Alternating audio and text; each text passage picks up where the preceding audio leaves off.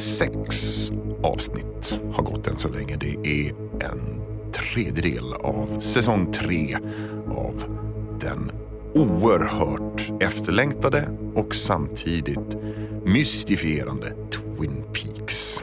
Det här är Twin Peaks Hotline, eftersnackspodden för dig som funderar och kliar dig i huvudet kring vad det är som egentligen händer.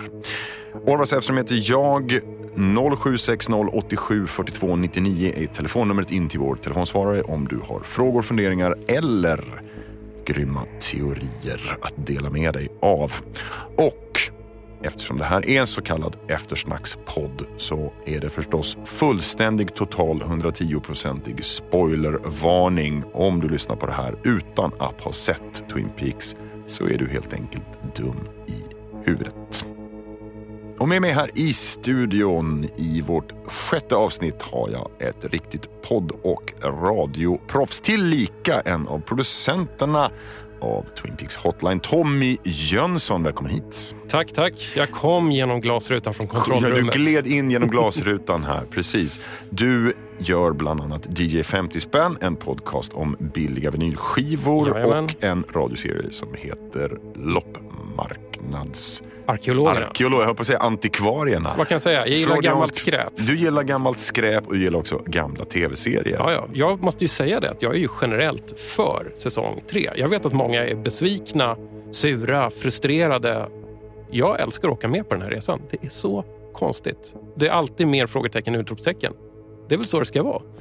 Ehm, vad är ditt förhållande till de två första säsongerna av Twin Peaks? Jag följde säsong ett slaviskt. Det minns jag att det var eh, veckans höjdpunkt. Det var liksom ingen snack om saken. Man sprang till tvn för att kolla på det. Jag tappade faktiskt sen touchen med Twin Peaks i säsong två. Jag tyckte att det blev liksom lite för såpalarvigt ibland.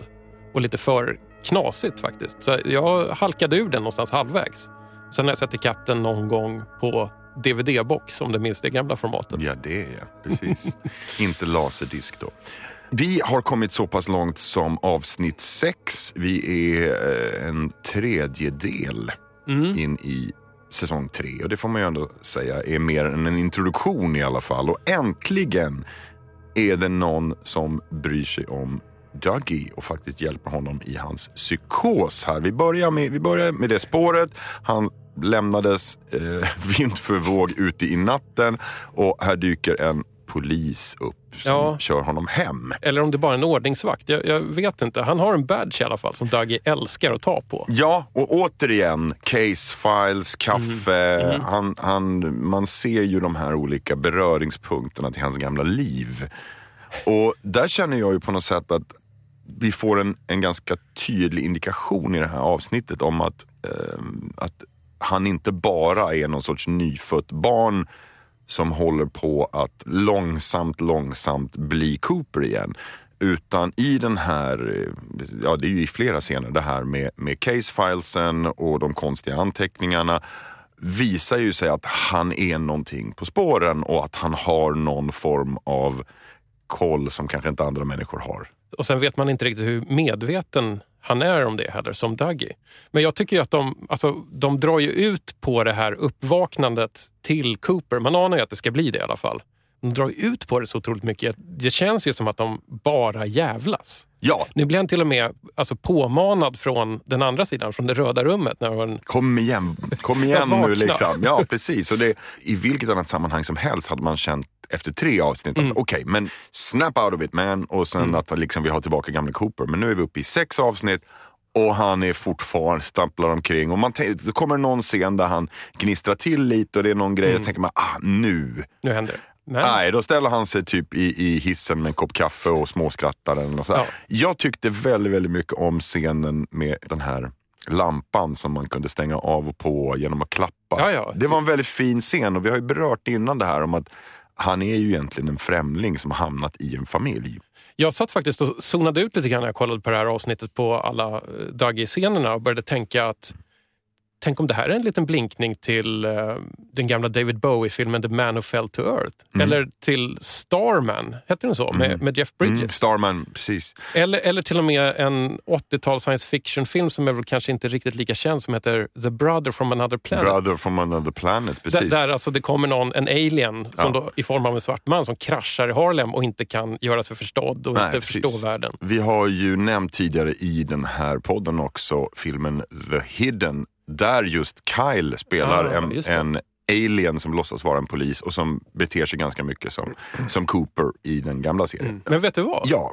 Jag är inte så frustrerad av att det, tar, alltså att det drar ut så mycket på uppvaknandeprocessen här med, med Dougie. Jag tycker att han är fin och lite rörande som det här mähät som då och då gnistrar till. Han är ju lite grann som Forrest Gumps mer korkade brorsa. Liksom. Ja, men, ja. exakt. Det är något väldigt fint i det och jag tycker att det här kanske är rollen som Kyle MacLachlan var född att spela på något sätt. Ja, och det som känns schysst också är att han ges möjlighet till flera olika roller här. Att han får vara den stentuffe Mr C och så mm. får han vara den här. Men jag tror ju också det här som du säger att det faktum att det tar så lång tid och att det här mm. rullar vidare, det är också en av grejerna som gör att Twin Peaks säsong 3 faktiskt känns annorlunda. Mm. Och fascinerande. Det är, hela berättartekniken mm. skiljer sig från vad vi ser idag. Och då kan man säga att det vi ser idag är väldigt influerat av gamla Twin Peaks och det finns många eh, lärdomar som, som eh, mainstream media har tagit ifrån från eh, Lynch back in the day. Men eh, just det här med, med att inte veta vad som pågår och vara rätt okej okay med det. Vad, vad ligger lockelsen där, skulle du säga? För, för, mig just nu så känns det som att det går hand i handske. För att jag har liksom halkat tillbaks till något tidigare läge som jag var inne i. Att, att bejaka någon slags inre flummighet i sig. Och då kan man ju tänka att det har varit flera år eller flera decennier nu när allting ska vara tydligt, begripligt, snyggt paketerat och liksom effektivt berättat. Mm. Och så helt plötsligt kommer någonting som känns som att man lyssnar på en schamantrumma och inte riktigt fattar vad som händer och vet inte vad det ska leda. Och jag njuter ganska mycket av det. Men det är nog för att det, det känns fräscht för att det är ovanligt nu. Mm.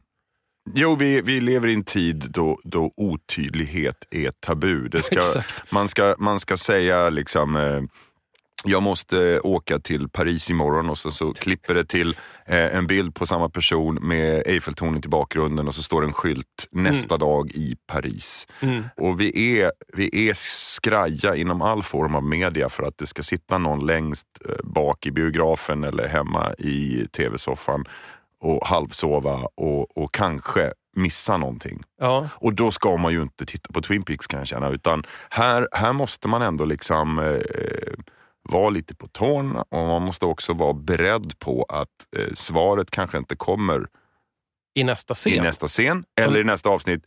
Det kanske inte ens kommer alls. Nej men exakt, man får hålla ett öppet sinne där. Mm. Jag började tänka om, om, Twin Peaks nu, den nya säsongen, om det är någon slags antites till uh, House of Cards. Mm. House of Cards är ju liksom skapad utifrån big data. De kunde se ett mönster att väldigt många gillade någon form av psykologisk thriller med Kevin Spacey, med David Fincher på regissörstolen. Då bakade de ihop det mm. och gjorde en serie som också är väldigt tydligt berättad där, där en monolog förklarar ofta vad som händer. Mm. Rakt in i kameran. Ja.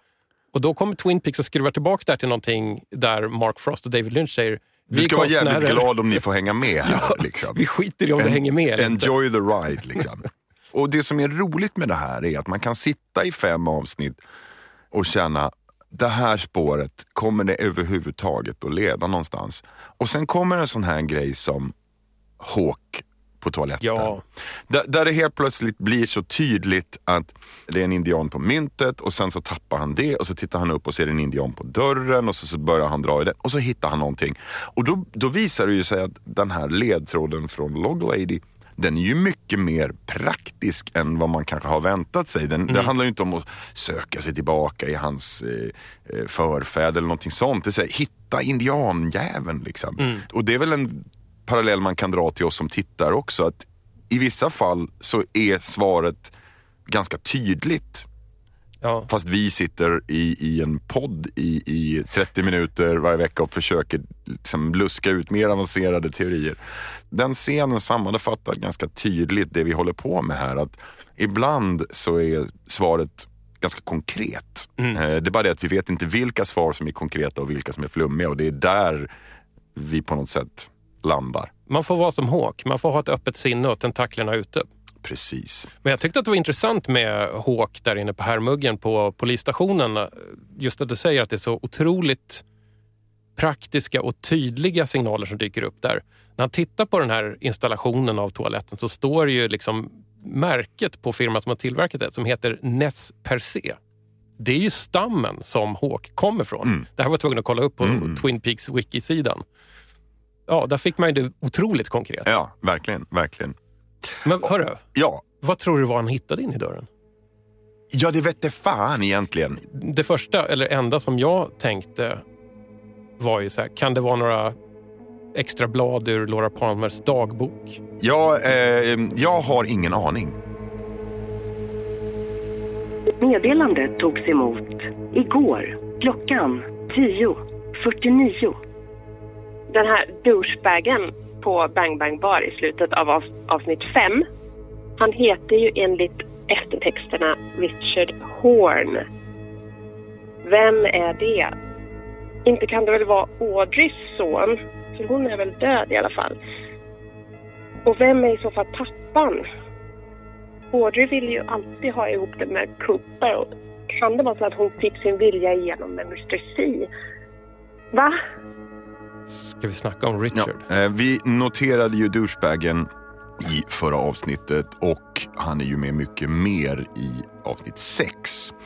Richard Horn, och då är ju frågan vem det här kan vara. Mm. Det är ju 25 år sedan. Så att han ser ut att vara i rätt ålder. Sån här typisk ålder där man blir jävligt sur om någon kallar en för kid. Liksom. eh, man tycker att man är jättevuxen. Om vi börjar med den första scenen han är med i här. Ja. Så är han ju inblandad i någon form av skumrask. De, det är några killar med vapen som står, så är det någon riktig bad guy som håller på att läxar upp honom där. Red kallas han. Där fick jag, vi har nämnt flera gånger i den här podden tidigare att Lynch verkar eh, blinka lite åt folk som har kommit efter Twin Peaks och gjort saker på något sätt eh, liksom, inspirerade eller influerade eller på något sätt sådär den här scenen fick jag eh, Tarantino-vibbar av. Inte kanske så extrema, men just den här här står några tough guys i ett lager, han refererar till filmer, han står och gör lite liksom, karateslag och sådär. Jag fick lite den känslan. Eh, ja. Mycket mer än David Lynch. Var det inte lite sådär Lost Highway eller Wild at Heart-vibbar kanske i mm, den också. Det är med. Det är någonting med att den är liksom lite koreograferad ja, med alla ja, precis, rörelserna. Precis. Och slantsinglingen i slow motion dessutom blir ja. en sån där typisk. En magi i det liksom, myntet som trollas in i munnen och bort ur munnen och vad det är som händer. Um, jag blev ju lite besviken på Richard Horn. I slutet på avsnitt fem så utmålas han ju som en riktig, riktig tuffing. Ja. En ond person. Ja, och visar sig ju mer vara någon sorts uh, Liten underhuggare. ungdomskriminell som har fått delusions of grandeur på något sätt. Nej, jag håller med. Jag hade större förhoppningar. Jag tänkte att han skulle kunna vara liksom en huvudantagonist jämte Mr C eller något sånt där. Eller ha då, som den här eh, telefonen föreslår, vara, om han skulle varit barn till Mr C så kunde de antingen ha en konflikt eller jobba ihop. Men nu känns han ju ganska medioker ändå mm. och mer någon sorts eh, nipprad knarkare på något sätt. Så vi får se vad han tar vägen där. Eh, men hans handlingar leder ju in på en stark scen, nämligen den här lilla pojken som blir överkörd. Man ser ju coming a mile away, han kör i bil. Det är verkligen så här, mm. det, det, det, är inte en överraskning att det sker. Det hade snarare varit en överraskning om han hade missat pojken. Liksom. Men mm. det här är ett exempel på en sån scen som jag Alltså jag blir väldigt glad att den dyker upp. Det är en väldigt sorglig scen. Men att precis som vi kan ha en lång humoristisk scen med Dougie där han typ eh, inte vet var han ska gå eller hur man ska hälsa. Så kan man ha en lång utdragen scen där en mamma gråter över sitt döda barn. Och, och, det behöver inte bli quirky, det blir ju den här grejen sen. Där har vi ju en koppling, vi kan komma till det, men med, med liksom anden som går upp på något sätt. Men att man vågar ta den här tiden till en väldigt tung, allvarlig och sorglig scen mitt i allt det andra. Mm. Det är ju en av grejerna som jag tycker är en styrka och det är sånt som vi har sett i de gamla säsongerna också, där man har väldigt mycket respekt för så att säga, allvar och sorg när det väl behövs. Vad, vad tänker du på när du går tillbaks då? Tänker du på när... Till exempel när man hittar Laura och Andy börjar gråta. Ja, ja, eller, ja. eller när, eh, när Lauras pappa får reda på det och, och när han dansar på hotellet. Det är ju en jätteplågsam scen, inte minst om man är förälder. okej. Liksom. Mhm. Och, och, ah, uh, ah, mm, ah. Vi måste ju nämna Harry Dean Stanton också. Jag blir så himla glad att Harry Dean Stanton dök upp. Som ju är, eh, tror jag har nämnt innan i den här podden, att, att två av de viktigaste inspirationskällorna för mig när jag drog till USA som 18-åring och eh, prövade lyckan, det var Twin Peaks och Paris, Texas. Och de två ihop. och, och Som då Harry Dean Stanton hade huvudrollen i. Så att, att för mig blir det liksom ett koncentrat av allting som, som har med den tiden att göra och tidigt 90-tal för mig på något sätt. Just det. Men Harry Dean Stanton då. Vad ska vi säga här nu? Det var massa referenser till Firewalk With Me. Exakt. Han är ju en trailerpark-föreståndare. Ja. Eh, han heter Carl Rodd, eller Carl Rudd. Mm. Det knäppa är ju att i Firewalk with me så ligger trailerparken inte alls i Nej, den ligger i. Oregon. Men det får faktiskt en förklaring. För kollar man upp där så står det faktiskt på en skylt The New Fat Trout. The New Fat. Trout. Så han har flyttat liksom. De- Praktiskt de, lö- nog. Ja, de löste det Mm, till den här precis. säsongen. Och det mest bisarra här är väl det här, alltså när, när pojken dör så ser Harry Dean Stanton ett ljus som åker upp Mm. i Liksom upp bland elledningarna i elstolpen och så är det en eh, siffror på den här stolpen. 3, 2, 4, 8, 1, 0 och sen sexa under. Mm. Man får freeze-framea om man ska se den. Ja, nästan. men ungefär så. Men just den här stolpen finns ju alltså med i Firewalk With Me också. Mm. Ja. Så att här är det ju någonting väldigt märkligt som försiggår. Och eh, vad det är, vad det ska, eller framförallt vad det ska leda till, Mm. det vet inte jag just nu. Förutom att det, det finns någon form av connection mellan, Ja. återigen, el och andevärlden som vi Ja, pratat precis. om. Alltså, det finns ju en, en uppenbar koppling mellan eh, Carl Rudd och andevärlden. Eh, och Mm. sen också det här, alltså Fat Trout, the old Fat Trout. Exakt. Är ju alltså där Theresa Banks bodde när hon blev mördad och det var där som eh, Chris Isaacs karaktär i Firewalk alltså eh, Agent Chester Desmond Mm. försvinner. Eh, ja, bredvid en elstolpe som har det här numret alltså. Jag försöker vara som Hawk här. Ja, precis. precis. bara Bara, titta. öppen. Var öppen nu Tommy. Men eh, utöver detta så har vi ju en grej som kändes det är som är svår att inte tycka om och det är ju den onde mördardvärgen. Egentligen kan jag känna att det borde vara ett sånt här kontrakt man måste skriva under varje gång man gör en långfilm eller en tv-serie. Så att du måste ha en ond mördardvärg med en, en ishacka. Men det jag inte blir klok på här är ju att den lilla hitmannen får ju två bilder. Ja. Den ena är Dougie Jones. Ja. Så vi vet att Dougie Ja. Jones är nästa på listan.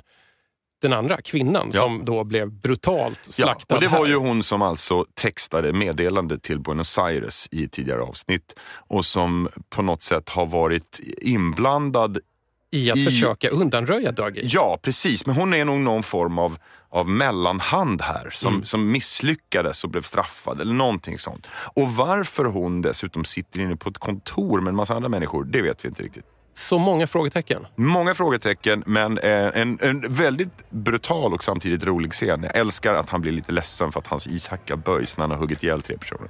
Inte så lätt att hitta en bra ishacka. Ja, fast det skulle jag säga. En bra ishacka, det, det får man aldrig för många av. Diane. Men sen så har vi ju en person som dyker upp här i ett par sekunder och som på något sätt golvar publiken i, i det här avsnittet. Och det är ju Diane. Mm, Att äntligen. Diane äntligen dyker upp och så visar det sig vara Laura Dern dessutom. Det är ju många av oss som har tänkt att I know where she drinks skulle vara Audrey. Men det har ju också här gissats att det skulle vara Diane och det Mm. stämde ju.